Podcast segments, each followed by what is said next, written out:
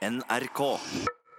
Blir vi mindre følsomme med alderen, spør jeg i dag. For mens du kanskje før gikk bananas på konserter, slår du nå takten forsiktig med ei tå. Og før lot vi oss imponere av forestillinger, teater, historier og filmer. Og nå har det skjedd noe, og blir heller ikke hysterisk når noen dør, eller så lett forelska. Psykolog Egon Hagen, blir vi følelsesmessig numne eller immune når vi blir eldre?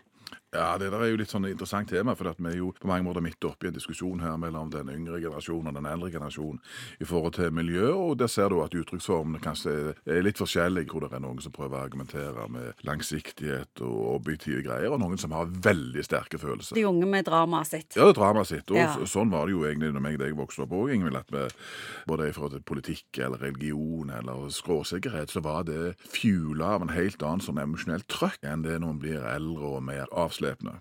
Vi er mer skråsikre når vi er yngre. Og har òg sterkere følelser. altså.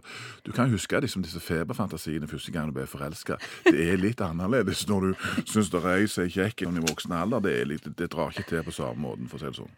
Hvorfor har det blitt sånn, og hva har skjedd med oss? Hva skjer med alderen når det gjelder følelser? Ja, altså det, det, Her er det et spekter. Noen vil jo faktisk si at de kan bli mer følsomme med alderen, og de kan se barnebarnas perspektiv og sitte der og være bekymra egne for kloden og alt dette. Og mange vil kanskje også si det at faktisk når gamlingen fikk et litt sånn synkende testosteronspeil der over 50-årsalderen, så var han mer tilgjengelig og lettere å snakke med og alt dette. Og var interessert i litt den der, kan vi bruke ordet Willoch-effekten, altså. Men plutselig så blir folk eh, Ja, verdiene endrer seg litt. Grann. Så du vil ikke si at det er så enkelt som at vi blir plasserte? Jeg tror at vi, du får forskjellige ting. Mange vil nok oppleve at vi blir mer avslepne jo vi blir eldre. Og, og det er noe med at vi kategoriserer jo erfaringer. Og når du har levd en stund, så har du græla mange forskjellige bokser å legge de erfaringene dine til. Og det vil si at ting som opplevdes veldig nytt og veldig annerledes og veldig sjokkerende da du var yngre, det finner nå sin fine plass i en eller annen boks, fordi at du har been there, done that, du har sett dette før.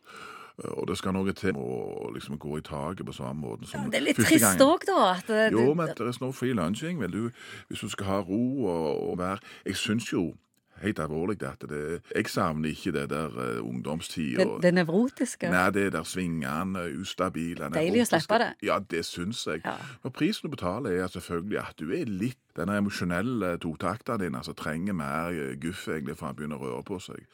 Og det tror jeg er noe av prisen du betaler for at du er blitt eldre. Og så må en sjøl kanskje ta ansvaret for å bli imponert og få nye store opplevelser som gjør det den, den der gåsehuden. Ja, prøve å jakte litt, gjerne, for kan vi òg prøve å, å utsette oss for ting som er litt nye. Hva er det som gir deg de store opplevelsene nå? Ja, Altså det ikke- rocker ved ditt Ja, sjelsliv? rocke og rocke.